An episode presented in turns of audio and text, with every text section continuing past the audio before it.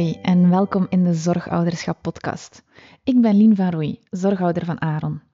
Vandaag wil ik een inkijk bieden in hoe ik alles organiseer qua afspraken, hulpmiddelen en administratie.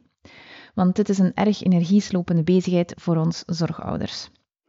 Ik hoor wel eens van mijn collega's: Amai, Lien, jij bent zo gestructureerd, hoe doe je dat toch? Dus bij deze wil ik jou inspireren in hoe ik het aanpak en wie weet helpt het jou om een overzicht te bewaren en niet te verzuipen in alle papieren en to-do's. Voor de reeds doorgewinterde zorgouders zal dit mogelijk minder relevant zijn dan voor zorgouders die nog maar juist geconfronteerd worden met het hele gegeven. In elk geval neem gewoon maar mee wat bij jou past en wat goed voelt. Maar eerst het gedicht van deze aflevering, genaamd Aanvraag. Ra ra ra, wat heb ik gedaan? Het impliceert administratie, resultaat op de lange baan en het voedt mijn frustratie. Want voor de zoveelste keer verzamelen van informatie. Die confrontatie doet me zeer, oplijsten al mijn argumentatie. Een hele procedure doorlopen, erkenning willen voor de situatie, op een eerlijk besluit hopen van mijn terechte motivatie.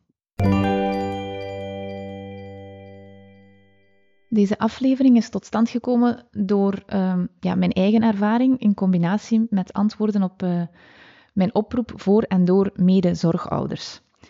Ik wil namelijk een antwoord bieden uh, in deze aflevering op de volgende vier vragen. Ten eerste, hoe pak ik mijn administratie aan? Ten tweede, hoe bereid ik me voor op een consult voor mijn kindje met speciale zorgnoden? Als derde, hoe ga ik te werk bij de aanvraag of herziening van de zorgtoeslag? En als laatste, hoe zoek ik info op en doe ik een aanvraag voor een nieuw hulpmiddel? Voor ik van start ga met die zaken te beantwoorden, wil ik toch eventjes nog iets kort toelichten. Het is namelijk zo dat ik van nature nogal plichtsbewust ben ingesteld. Ik heb een uh, groot verantwoordelijkheidsgevoel en ik uh, ja, ben op zich wel goed in organiseren. Nu, dat heeft ook wel een valkuil. En het is wel belangrijk, denk ik, voor anderen om te weten dat ik zelf ook heel hard zoekende ben hoe ik um, hier niet in kan doorschieten. Om alles zo hard te gaan blijven registreren en observeren dat je je erin verliest. En vooral omdat het zo energievretend is. Anderzijds is het ook wel een heel dubbel gegeven, want als zorghouder is het ook echt wel nodig om zoveel mogelijk alles qua administratie en dergelijke bij te houden, info te verzamelen om dan ook weer door te kunnen geven naar de juiste mensen. En ik heb ook al gemerkt dat het belangrijk is om op tijd te starten met al die zaken, om ja, vooruitziend te zijn. Want die dingen zijn echt wel een broodnodige kwaliteit als zorgouder om het jezelf eigenlijk makkelijker te maken. Um, ja, in het belang van je kind. Dus ja, alleen in het hier en nu blijven, ik probeer dat, maar dat werkt eigenlijk niet alleen het is dus echt wel een hele zoektocht voor mij om um, ja, die balans te houden tussen hier en nu blijven, maar ook vooruitzien te zijn en ja, alles goed georganiseerd te krijgen. Het is gewoon, vind ik, al sowieso moeilijk om mentaal en emotioneel um, zelf stabiel te blijven, om het zo te noemen. Um, en als er dan nog zoveel bij komt kijken op administratief en organisatorisch vlak, ja, dan is er al heel veel tegelijk in uw rugzak om mee te dragen. Vandaar dus eigenlijk deze aflevering gewoon echt bedoeld als inspiratie. En wie weet haal je er nog iets uit. Dan zullen we maar eens van start gaan met de eerste vraag, namelijk hoe hou ik alles gestructureerd bij voor mijn kind? Als ik papieren toegestuurd krijg in de brievenbus, dan heb ik eigenlijk de gewoonte om die um, in te scannen. En niet gewoon via um, ja, een scanner, want dat is vaak ja, computer aanzetten en dat machine moet dan verbinding maken en dat werkt niet altijd bij mij. Ik gebruik namelijk de, een app daarvoor op mijn uh, gsm en die noemt Genius Scan. Waardoor dat je direct eigenlijk een pdf-formaat hebt van jouw um, document. En dan sla ik dat op uh, in een map op, uh, op mijn computer of um, eigenlijk liefst nog um, ja, in een cloud gegeven, maar daar kom ik stabiet wel nog op terug. Waarom doe ik dat? Of waarom probeer ik die reflex, reflex te maken om dat direct in te scannen? Um, het is namelijk een, een heel gemakkelijke manier om zaken te kunnen doormailen naar mensen um, of om up te loaden op bepaalde websites. En je hebt ook gewoon nog eens dubbel bewaard, moest je het papier kwijtgeraken. Dan probeer ik het ook wel te klasseren in uh, een map. Dus ik maak tussenbladen met um, met de naam over welke organisatie dat het gaat. Uh, ja, wat dat dan ook allemaal mogen zijn. Hè. Bijvoorbeeld opgroeien, thuisbegeleiding, het MFC, eh, papieren van het FOD enzovoort. En dan uh, heb ik de gewoonte om het gewoon het recentste bovenaan erin te steken. En dan kan je nog kiezen of dat je de, de datum um, gaat fluoriseren als dat heel belangrijk is. Maar um, dat hoeft natuurlijk allemaal niet. Ik had ook nog een uh, tip van een andere zorgouder op dit vlak. En dat is um, dat zij eigenlijk de, ja, de tussenbladen een beetje had geordend volgens drie um, categorieën, namelijk aan te vragen, aangevraagd en in orde. Dus op die manier heeft zij dan een duidelijker overzicht over wat er is afgerond en wat nog lopende is. Wat betreft mails um, heb ik wel een mapje met Aaron zijn naam in. En dan kan je dat ook opnieuw, een beetje gelijk in de papieren versie, daar nog opsplitsen per organisatie. Maar op zich merk ik dat ik dat niet echt uh, consequent doe. Het is voor mij soms makkelijker om um, ja, in de zoekfunctie dan iets op te zoeken, omdat ik weet dat dat nog in mijn mails gaat staan. Wat ik wel doe als ik een mail zie komen en ik heb op dat moment geen tijd om daar mij aan te zetten, um, dan zet ik daar een vlagje aan of een sterretje, afhankelijk van welke um, soort, of dat je Gmail, Hotmail of, of dergelijke hebt. En dan weet ik, ah ja, ik moet daar nog iets mee doen. En uh, ja, als ze natuurlijk documentjes in die mail zetten, dan kan je die ook weer gaan opslaan. En dan kom ik inderdaad bij het derde stukje bij deze luik, namelijk online documenten. Hoe doe ik dat dan concreet? Ja, ik sla die op in een cloud-gegeven. Je hebt verschillende soorten. Hè. Uh, je hebt de Google Drive, je hebt de Dropbox. Uh, ik weet niet wat er eigenlijk allemaal nog bestaat. Uh, je kunt eventueel zelf kiezen voor een externe harde schijf. Dat is allemaal heel persoonlijk en waar dat je je goed bij voelt. Ik zal misschien kort een voorbeeldje geven van hoe dat mijn mappenstructuur er dan uitziet voor onze zoon Aaron. Zo is er bijvoorbeeld de map aanvraag zorgtoeslag. Daar ga ik natuurlijk straks dieper op ingaan op dat stukje. Maar dan, daaronder maak ik dan een nieuwe map met de eerste aanvraag. Dat was bij ons augustus 2022. En daaronder komen daar dan de blanco-formulieren. Ik vind dat wel belangrijk om die blanco ook op te slaan, om die dan ook te kunnen doorsturen naar bepaalde mensen. De ingevulde formulieren komen daar terecht. De toegevoegde verslagen um, van specialisten en dan de handleiding van heel die zorgtoeslag uh, had ik er ook bij gezet. Een ander mapje uh, onder uh, Aaron is hulpmiddelen.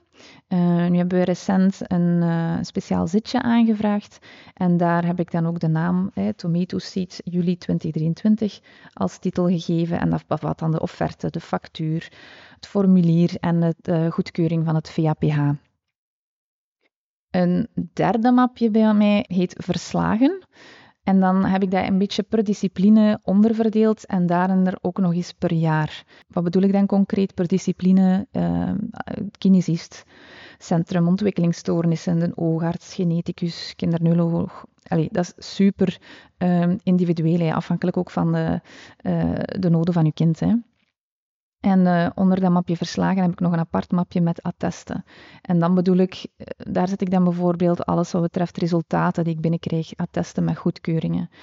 Um, bijvoorbeeld ook het resultaat van de evaluatie van de zorgtoeslag, hè? dus die toekenning van de punten. Uh, ik had ook nog van een andere zorg, zorgouder een voorbeeld van haar mappenstructuur doorgekregen. Uh, zij heeft duidelijk een, een, iets ouder kindje, want zij had uh, een mapje ook school en dan per schooljaar uh, alles gestructureerd. Zij had ook nog een mapje medische verslagen per jaar en een mapje PAB. Dat is natuurlijk als je PAB hebt, ook per jaar geordend.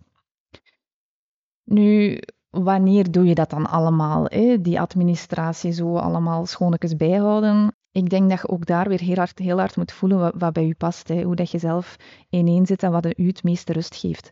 Um, ik merk dat sommige ouders een vast moment in de week verkiezen. Um, en anderen meer in het moment. Uh, ik ben eigenlijk meer in die laatste categorie. De valkuil is natuurlijk dat je dan alles laat vallen en dan continu aanstaat om direct ja, die papieren in orde te brengen, die mails te sturen die daarbij horen. Um, want dat, ja, dat groeit bij mij een beetje vanuit een schrik om, um, om iets over het hoofd te zien of te vergeten. Dus ja, zoals ik al zei, ik uh, heb nog een groeiproces om daarin te lopen. Ik had ook nog een algemene tip van een andere zorgouder. Zij had namelijk een Excel-documentje gemaakt met hoofdpunten van het jaar. Eigenlijk ja, met data van belangrijke zaken, vervaldagen van goedkeuringen. En zij had ook haar vakantieplanning in een Excel bijgehouden. Voilà, dat is al een beetje het antwoord op de vraag hoe hou ik alles gestructureerd bij voor mijn kind hè, op administratief vlak. En dan wil ik overgaan naar het tweede luikje, namelijk um, hoe bereid ik mij voor op een consult en hoe zorg ik ervoor dat ik afspraken niet vergeet. Ja, ik gebruik wel mijn gsm heel uh, frequent als hulpmiddel. Ik, uh, ik, gebruik mijn agenda dagelijks. Um, ik zet daar ook afspraken in. Je hebt zo gedeelde agenda's, hè, dat je met je partner kunt delen. Uh, of met iemand anders natuurlijk. Um, en dat is wel handig. Je kunt dan met kleurencodes werken. Alles bijvoorbeeld met je kind in een bepaalde kleur. Um, of alles binnen een spe specifieke specialisatie of, of arts, wat dan ook. Zelf een beetje zoeken wat werkt voor jou. Mijn zoontje die gaat naar een, uh, een therapeutische kinderdagopvang. En um, daar ben ik, vind ik het ook wel belangrijk om goed te communiceren naar hen toe wanneer dat hij nu er niet zal zijn of later zal zijn, omdat hij een afspraak heeft ergens of een onderzoek. En dan stuur ik ook wel eens een mailtje uh, per maand om te zeggen van kijk, deze maand op die en die datum zal hij niet komen of later of dergelijke. Ik heb ook de gewoonte om een, uh, een boekje bij te houden. Uh, ik ben daarmee gestart, denk ik, als Aaron een jaar of zes maanden was, denk ik omdat ik toen eigenlijk doorgaat van, hmm, die ontwikkeling die loopt hier anders. Misschien kan het voor later wel nog heel waardevol zijn om de hoofdpunten ja, wel wat bij te houden, want mijn geheugen kan dat echt allemaal niet opslaan. En daarom hou ik dus per maand uh, ja, mailpalen een beetje bij. Uh, noteer ik welke consulten en korte samenvatting van, van het besluit. In ons geval ook soms uh, ja, rond de nachten en hoe dat die evolueren ja, de evolutie van de ontwikkeling in het algemeen, als we dingen opmerken, um, wanneer dat er medicatie verandert. Ik doe eigenlijk relatief kort in puntjes. En oorspronkelijk was het een beetje mijn bedoeling om dat boekje te schrijven gericht naar Aaron. Ik, had, ik, ik, vond het wel een leuk idee toen dat ik ermee begon, um, dat hij dat ooit kon lezen als het naar hem uh, geschreven werd. Nu weet ik echter dat hij dat nooit gaat, zelf gaat kunnen lezen, maar uh, ik schrijf het dus eigenlijk gericht naar hem. En dat boekje is dan eigenlijk ook wel meteen een mooie samenvatting, vind ik persoonlijk, om mee te nemen naar um, consulten. En ja, over consulten gesproken, ja, we hebben er wel regelmatig wat. Ik denk dat er veel zorgouders um, zich daarin herkennen. Hè. Ook hier, als ik weet, bijvoorbeeld volgende week moeten we naar de kinderneuroloog, dan leg ik voordien gewoon een blad op tafel, een weekje voordien, en dan doe ik daar vier dingen mee. Ik schrijf daar eigenlijk een beetje de evolutie van ja, Aaron op, wat het er gebeurd is tussen nu en dan het vorige consult. En ik baseer me dan eigenlijk gewoon op dat boekje dat ik al bijgehouden had. Dus dat is eigenlijk een beetje in puntjes gewoon even overschrijven. Of de highlights er gewoon uithalen. En uh, soms hou ik ook een ritmekaart bij in verband met zijn slaap en voeding. En dan neem ik die ook gewoon mee. Uiteraard schrijf ik daar ook al mijn vragen op die ik nog wou stellen. En dan ook nog twee zaken die ik al eens durf vergeten. Dus ja, om mezelf ervoor uh, ja, te behoeden dat ik ze vergeet, schrijf ik effectief op voorschriften nodig voor Huppel de Pup. Hè. Maar ook of dat ik een afwezigheidsattest moet vragen voor de opvang van Aaron. En eventueel ook voor mezelf, voor het werk, um, dat je niet aanwezig uh, kon zijn. Ook zaken die gemakkelijk is vergeten worden, dat ik achteraf nog eens moest mailen. Ah ja, oeps, um, mijn werk heeft nog een attest nodig. Dus voilà, als je dat opschrijft, dan kun je dat ook alweer niet vergeten. Dat is hoe dat ik het uh, voornamelijk doe. Ik had dan ook nog van een andere zorghouder een, uh, nog twee zaken uh, doorgekregen. Namelijk, zij had een rugzakje altijd klaarstaan met de meest recente verslagen, bijvoorbeeld van het Centrum Ontwikkelingsstoornissen, en een documenten mee in een map. En ehm, ze had ook een schriftje daarbij gestoken met voorbereidingen, waarbij dat ze ook dingen kan noteren tijdens het consult. Dat is eigenlijk dan ja, voor haar iets heel gemakkelijk om ja, snel ook mee te nemen. En zij moet blijkbaar dus ook een rolstoel voortdoen bij haar uh, kindje, waarbij het dan heel gemakkelijk is, rugzak op de schouder en klaar. Wat haar en eigenlijk ook mijn tip is, en dan heb ik een beetje hardleers moeten uh, ontdekken dat dat het makkelijkst is, is om zoveel mogelijk met twee volwassenen naar zo'n consult te gaan. Want op die manier kan er één iemand bezig zijn met het kind, entertainen, ja, wat dan ook. Hè. Um, verzorgen, aankleden, hè, al die zaken, de praktische dingen een beetje. En de ander kan zich dan eigenlijk veel, veel beter concentreren op, uh, op het gesprek met de arts of onderzoeker of wat dan ook. Hè. Met vraag en antwoord kan je dingen noteren, kan je echt je bladje mooi overlopen en houd je eigenlijk veel beter het overzicht. Ja, en natuurlijk sowieso met twee onthoud je beter dan alleen. Dus um, vind ik ook wel nog een hele belangrijke uh, tip. Dan denk ik dat we kunnen overgaan naar uh, vraagje nummer drie, namelijk ja, hoe doe je dat, zo'n zorgtoeslag aanvraag aanpakken? Ja, ik ga daar gewoon heel eerlijk in zijn. Ik heb dat nog maar één keer gedaan, de allereerste aanvraag bij Aaron. En blijkbaar ben ik juist in de periode gestart waarin dat de omschakeling is gebeurd van ja, de papieren versie, zal ik het zeggen, naar de digitale versie. En uh, toen was dat een hele zoektocht, uh, en nu nog denk ik, uh, voor zorgouders en hulpverleners. Want ja, er zaten wel fouten in en heel veel moeilijkheden. Dat was ook niet altijd goed georganiseerd, heel onlogisch. Niet iedereen kon aan dat dossier. Allee, dus een heel uh, kluwen was het om dat eigenlijk in orde te brengen. Nu, ik weet dat er uh, gelukkig uh, ook wel wat herzien is uh, bij die zorgtoeslag en wel wat aanpassingen al zijn gebeurd. Ja, over de zorgtoeslag zelf valt er heel veel te vertellen en, uh, en over de gevolgen van het resultaat natuurlijk nog meer. Maar de bedoeling is dat ik nu in deze aflevering vooral ga inzoomen op het administratieve luik bij de aanvraag dan specifiek. Hè. Wie weet um, ja, volgt er toch ooit nog een aparte aflevering over de zorgtoeslag, maar misschien zijn er meer mensen uh, gespecialiseerd uh, daarin dan ik. Ja, zoals ik er juist al heb gezegd, heb ik dus nog maar een eerste aanvraag gedaan. Ik ben wachtende op een, eh, een herziening, waarschijnlijk in november dit jaar. Maar dus met een herzieningsprocedure heb ik nog geen uh, ervaring. Wat heb ik geleerd van die eerste aanvraag van de zorgtoeslag? Op een bepaald moment krijg je dus toegang via kind en gezin tot de specifieke ondersteuningsnood waar je je dan moet inloggen. En dat kan alleen maar als er een dossier is aangemaakt. En bij ons is dat eigenlijk in gang gezet geweest toen Aaron um, voor een onderzoek in het ziekenhuis was. En toen had de sociale dienst bij ons uh, gezegd van, hey, hebben jullie eigenlijk al een verhoogde zorgtoeslag? En dan heeft hij dat eigenlijk in gang gezet. Dus daarom had ik dan um, via uw wacht, uh, kinderbijslagfonds, um, zij regelen dat eigenlijk. Dus dan krijg je van hen een, uh, nog meer info via mail, dacht ik dat dat bij ons verlopen is. Dus wat kan je dan verwachten? Er zijn dan twee luiken. Hè. Het psychosociaal inlichtingenformulier, dat moet je als eigenlijk ouders zelf helemaal invullen.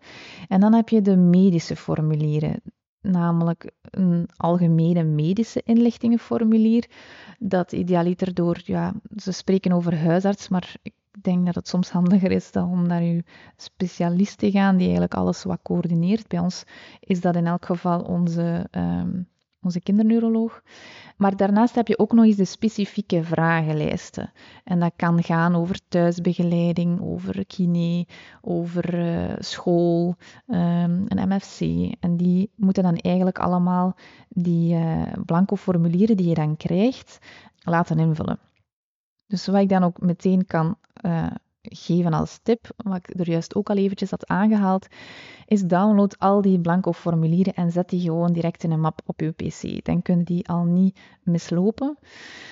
En dan is het ja de bedoeling dat je die specifieke formulieren en eventueel de handleiding daarvan doorstuurt naar specialisten die allemaal ja, jouw kind uh, behandelen, verzorgen, opvolgen. En wat ik dan eigenlijk ook um, steeds doe in die mail, is vragen expliciet om die ten laatste één of twee weken voor de einddatum dat je alles moet indienen, aan jou terug te bezorgen. Dat geeft jou namelijk wat de ruimte om het zeker nog eens op te volgen, na te lezen en op tijd in te sturen. Het algemene medische inlichtingenformulier, dat kan dus eigenlijk door de arts zelf worden geüpload als die toegang heeft tot die e-health pagina van uw kind. Nu, wij hebben daar dus vorig jaar wat problemen mee gehad en dan heb ik dat wel zelf nog kunnen uploaden. En via Zoe heb ik dan gebeld. Zoe is de organisatie die dat allemaal een beetje in goede banen leidt. En heb ik dan gezegd, ja kijk, ik heb dat gewoon geüpload onder die speciale vragenlijsten, maar het is eigenlijk de algemene. Klinkt allemaal even een beetje chaotisch wat ik misschien nu vertel. En ondertussen is dat misschien allemaal opgelost, dat probleem. In elk geval, ik hoop dat dat van de baan is, dat probleem. Moesten, moesten jullie daar um, ook problemen hebben met die up te loaden, je kan altijd zo weer bellen om uh, um, ja, jullie daarbij te ondersteunen. En het um, telefoonnummer van Zoe staat normaal gezien altijd vermeld op die pagina van uh, Kind en Gezin bij specifieke ondersteuningsnood. Ja, dan heb je normaal gezien uh, van bij de start van jouw dossier vier maanden de tijd hè, om uh, alles in te vullen en in te dienen. Wat doe ik dan? Ik zet een herinnering in mijn agenda ongeveer zo'n twee weken voordien. Zo kan ik even alles checken, wat heb ik allemaal binnen. En kan ik zeker ook een alarm instellen de dag voor de einddatum en dan kan ik alles zeker ten laatste uploaden. Wat betreft het eigen luik, namelijk het psychosociale luik, dat je als ouder moet invullen, vond ik het wel handig om die over een hele periode, dus over die vier maanden tijd, te schrijven. Namelijk, het geeft u dan de tijd om te schrijven, het even te laten rusten, te herlezen, aan te vullen, nog te argumenteren. En ja, het is emotioneel hè, om dat allemaal in te vullen, om die confrontaties elke keer opnieuw zo ja, zwart op wit te lezen, um, hoe moeilijk dat het allemaal um, loopt, of toch op, op welke gebieden dan. Um, en dan is het wel ja, een uitdaging om dat van op een afstand te bekijken, om ja, alles toch um, te kunnen noteren, ook al is dat met momenten zo confronterend. Daarom is het soms wel handig om, als het kan en als dat voorhanden is in jouw uh, ondersteuning natuurlijk, om het te laten nalezen door bijvoorbeeld de thuisbegeleiding of eventueel de sociale dienst van uw MFC of van jouw mutualiteit zodat zij zeker ook mee uh, jou kunnen ondersteunen in die opdracht. Um, zeker wat betreft ook ja, vakjargon en al die moeilijke termen. Als je daar niet zo in thuis bent, um, is het handig om, uh, om dat ook niet alleen te moeten doen. En krijg je dan uiteindelijk dan documenten van die specialisten terug, dan, ja, dan download je ze in jouw map op je computer of in de cloud. En dan uh, ja, upload je ze gewoon via het portaal van Kind en Gezin. En dan staan ze daar ingediend. En dan hopen, als alles ingediend is, dat het dan, uh, dat het dan in orde is en dat je niet de melding krijgt dat er nog een dossier um, niet voldoende is ingevuld of dergelijke. Uh, maar dan contacteren ze jou normaal gezien, dacht ik. Ik heb dat nu zelf nog niet meegemaakt, maar dat is wel iets wat ik al gehoord heb. Dan had ik ook nog een opmerking, allez, een opmerking, een aanvulling eigenlijk gekregen van een zorgouder die nog wat antwoorden op de vraag: wat als je in kader van de zorgtoeslag naar de controlearts moet? Dus die zorgouder die uh, wou eventjes haar ervaring wel eens delen, want zij heeft er toch een aantal zaken wel uit geleerd en ze wil dat zeker ook uh, aan anderen vertellen. Zij had zich namelijk voorbereid op de vraag: hoe gaat het nu met je kind? Hè? Uh, en die vraag werd natuurlijk effectief gesteld op dat uh, controlebezoek. Allee, dat is geen bezoek, dat is tegenwoordig allemaal online. Hè? En daar is ze dan zoveel mogelijk beknopt in geweest, eerlijk, maar wel accenten gelegd die zij belangrijk vond. Als voorbereiding had ze ook het psychosociaal formulier nog een keer nagelezen en ook wel al eens genoteerd, ja, er verandert altijd zoveel op korte tijd. dus um, ook die zaak had ze dan genoteerd van wat is er dan al veranderd? Medicatie, hulpmiddelen, therapie, vaardigheden en al die zaken. En dan um, ook had ze dan een lijstje gemaakt met de medische ja, subspecialisaties rond het kind en de laatste update ervan. En ze vond het ook wel belangrijk om de juiste terminologie te gebruiken en de diagnoses die er dan, al dan, niet, allee, die er dan gesteld zijn. Ze had ook een tabel gemaakt met wat het kind uh, wel of niet kan en wat een gemiddeld leeftijdsgenootje wel of niet kan. Om zo eigenlijk een heel duidelijk beeld te krijgen van hoe anders dat het loopt. Wat haar andere tip nog is rond dit stukje is, ja, neem een vertrouwenspersoon mee. Doe dat niet alleen. Zij heeft zelf bijvoorbeeld beroep gedaan op de thuisbegeleiding. En ik heb dat ook gedaan, maar dat had niet te maken met de controlearts voor zorgtoeslag. Maar bij de PHB-aanvraag heb ik ook gewoon de thuisbegeleiding meegenomen, omdat het is allemaal zo emotioneel. En uiteindelijk gaat dat over zo'n belangrijke beslissingen en je wilt dat dat ja, correct wordt uh, ingeschaald en ingeschat. En dan is het goed dat er iemand met een beetje afstand, maar die jou wel kent, wel aanwezig is om jou mee te verdedigen. En mee te argumenteren waarom dat het allemaal zo terecht wordt aangevraagd.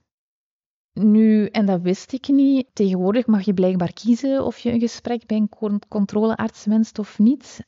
En die zorghouder had mij verteld van ja, het nadeel daaraan is dat het natuurlijk de procedure verlengt. Hè. Je moet weer iets ertussen eh, gepland worden. Maar het is wel een voordeel wanneer het gaat om een complexe of meervoudige handicap. Het geeft dan blijkbaar een veel beter beeld als het kind zelf gezien hebben en het verhaal zelf horen, dan het allemaal gewoon te lezen. Het is allemaal nogal veel info. Hè. Komt het misschien wat chaotisch over en wil je graag wat meer info? Weet dat je dan steeds terecht kan bij VZW de ouders bijvoorbeeld uh, voor up-to-date info rond de zorgtoeslag, hoe dat je die kan aanvragen. En dat is allemaal te bekijken via een betalend webinar. Ik ga sowieso de link daarvan in de show notes uh, zetten. Dan ben ik aangekomen aan het uh, vierde deel en die vraag is hoe bewaar ik info in de zoektocht naar hulpmiddelen en hoe doe ik die aanvraag? Wel, overlaatst um, waren wij tot het besef gekomen van hmm, onze auto, dat is zo'n kleine Toyota Yarisken. Ja, met al die hulpmiddelen van Aaron, al het gerief dat we nodig hebben, dat is nu eigenlijk al niet te doen. Wij moeten eigenlijk een dakkoffer uh, huren als wij eens op uh, een weekendje weg willen, omdat we gewoon te weinig plaats hebben. Dus het was voor ons duidelijk, wij hebben een aangepaste auto nodig. En dan willen we natuurlijk al denken aan de toekomst, waarbij dat er ja, een rolstoel of een, of een buggy erin moet kunnen gerold worden. Hè. Uh, momenteel zit hij natuurlijk nog in een, in een gewone autostoel, maar uh, ja, we moeten toekomstgericht denken. En dan dacht ik, ja, hoe zoekt je nu zo'n auto? Dan, uh, ja, het gaat nu in mijn geval over een auto, maar dat gaat over hulpmiddelen in het algemeen hoor. Wat ik als eerste vaak doe, is ik spreek lotgenoten aan. Ik doe dat via verschillende kanalen. Ik heb uh, bijvoorbeeld de vraag gesteld in uh, een Facebookgroep van zorgouders. Zo is er de groep waar ik bij aangesloten ben van Speciale Kindjes Vlaanderen op Facebook. En ook wel de groep van VZW de Ouders. En daarnaast heb ik ook wel een, een ja, een lotgenotengroepje met de, ja, de specifieke diagnose van Aaron, waar ik ook wel eens eh, vragen uh, in stel. En het is wel zo dat ja, lotgenoten vaak echt wel goede referenties geven. Heel eerlijke ja, ervaringen delen van of dat ze tevreden zijn, wat dat ze opnieuw zouden doen, wat dat ze minder tevreden van zijn. Dus ik vond het echt wel heel waardevol om aan lotgenoten toch wel eens te gaan vragen van, hmm, heb jij al ervaring met dit? En uh, waar kan ik uh, misschien ja, baat halen bij jouw ervaring of zo? En vaak is de vraag die jij hebt al is gepasseerd op zo'n forum. Hè. En dan uh, zoek ik daar vaak eens op via de zoekfunctie. Ja, en wat doe ik dan? Ik, uh, ik zet dan gewoon alle interessante verwijzingen of website of tips, ja, die, die zet ik gewoon een beetje samen in een documentje of op een post-it op de, op de computer. Alles een beetje bundelen waar ik denk dat voor mij handig is om mee te nemen. Wat ik ook doe uh, om lotgenoten aan te spreken is, ik heb Instagram en daar stel ik soms wel eens een vraag via een vragensticker en dan krijg ik ook wel eens antwoorden die wel waardevol zijn om mee te nemen. Ja, en dan heb je natuurlijk ook nog face-to-face contacten. Hè. Misschien kom je wel uh, in contact met andere ouders aan de schoolpoort of uh, op een ouderraad of via een hobby. En durf dan maar gewoon te polsen. Of een keer vragen of dat zij dat al hebben meegemaakt en hoe, ja, hoe dat zij dat dan hebben aangepakt. Ik heb bijvoorbeeld op die manier al eens een mailtje gestuurd naar iemand van de ouderraad waar ik in zit, van het MFC van Aaron, omdat dat dan ja, heel gemakkelijk is om contact te leggen. Naast lotgenoten, ja, natuurlijk is het dan uh, heel zinvol om zeker ook hulpverleners aan te spreken, natuurlijk. Hè. En dat is heel, heel divers. Qua hulpmiddelen, thuisbegeleiding is vaak een, een, hele, een hele belangrijke eerste aanspreekpunt om jou daarin te begeleiden. Ergotherapeuten zijn er vaak ook echt wel uh, mee in thuis of toch in bepaalde delen daarvan maatschappelijk werkers, uiteraard, van het MFC, van een school, een ziekenhuis, van de mutualiteit. Dus ja, dat is natuurlijk ook heel belangrijk um, om die mensen aan te spreken en te vertellen van kijk, hey, ik zit met die vraag, ik, ik denk dat ik wel baat heb bij dit of dat hulpmiddel. Ken je daar wat meer van? Kan je mij op weg helpen? Hoe zit het allemaal? Daarnaast is het gewoon ook simpelweg de zoekterm van je hulpmiddel googlen. Gewoon een keer surfen op uh, internet, zien wat je daar um, ja, te pakken krijgt van, uh, van info. Dan een ander puntje, wat ik zelf via via eigenlijk vernomen heb, is, eigenlijk de tip om beurzen te gaan bezoeken. Ik heb dat zelf nog niet gedaan, omdat ik zo recent allemaal maar in dit wereldje zit. Maar um, er bestaat zoiets als de REVA-beurs. En dit jaar gaat die in de Vlaanders Expo Gent door van 7 tot 9 december 2023. En die is eigenlijk net iets meer gericht naar volwassenen blijkbaar, maar toch wel interessant om, ja, zeker naar hulpmiddelen toe, uh, en dat is heel breed, hè, om eens ja, daar eens een kijkje te gaan nemen, om inspiratie op te doen en je licht op te steken. Het andere, dat meer gericht is naar kinderen, is de tweejaarlijkse kangoeroebeurs. Amai, kangoeroebeurs. Dat is um, dit jaar niet geweest, dus dat is in 2024 gaat dat door, in Vlaanders Expo Gent ook. 8 en 9 maart, dus volgend jaar 8, 9 maart in Gent kan je naar zo'n beurs gaan met allemaal hulpmiddelen gericht voor kinderen. Van deze twee beurzen ga ik zeker ook alle info in de show notes zetten, waar je gemakkelijk op kan klikken en de info kan terugvinden.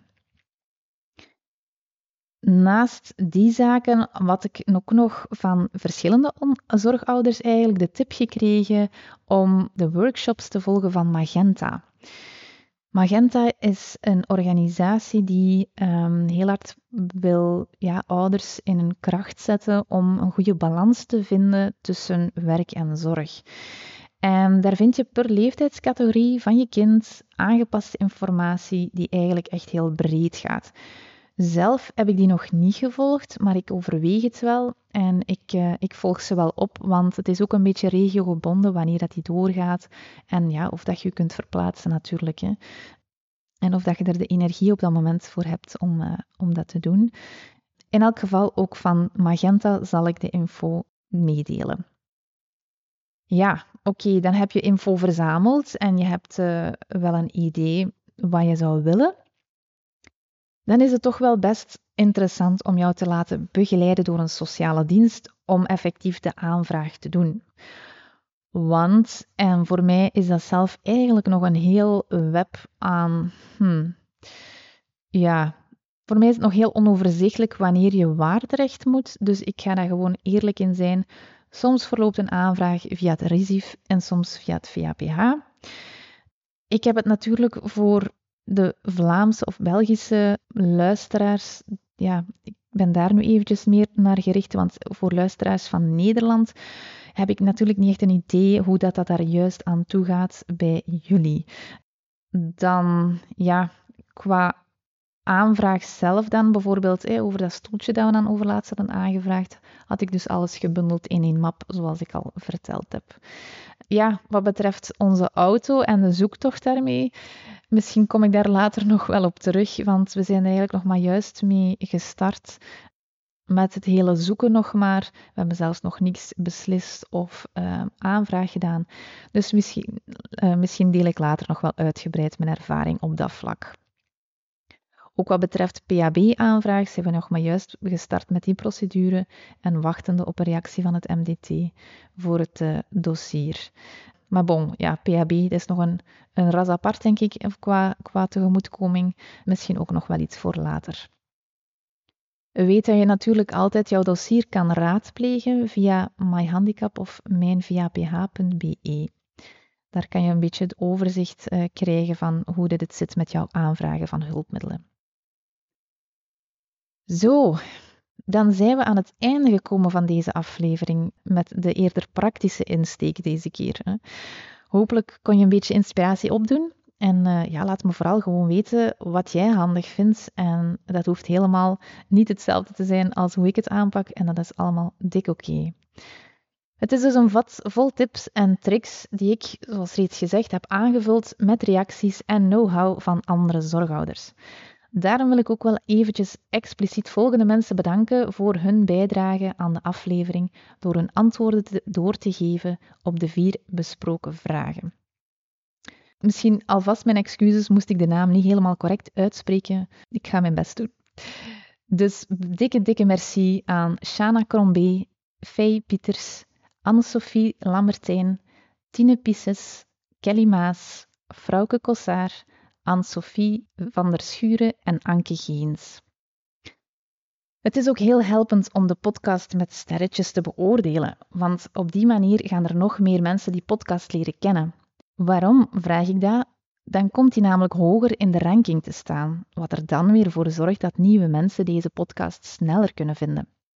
Kan je eigenlijk echt vlot doen op je smartphone door op de drie bolletjes te klikken bij de podcast in Spotify en dan te klikken op beoordelen. Maar je kan natuurlijk ook gewoon de podcast delen via jouw sociale media. Zo kan ook jij je steentje bijdragen in de bewustwording rond zorgouderschap. Alvast erg bedankt en nog een fijne dag.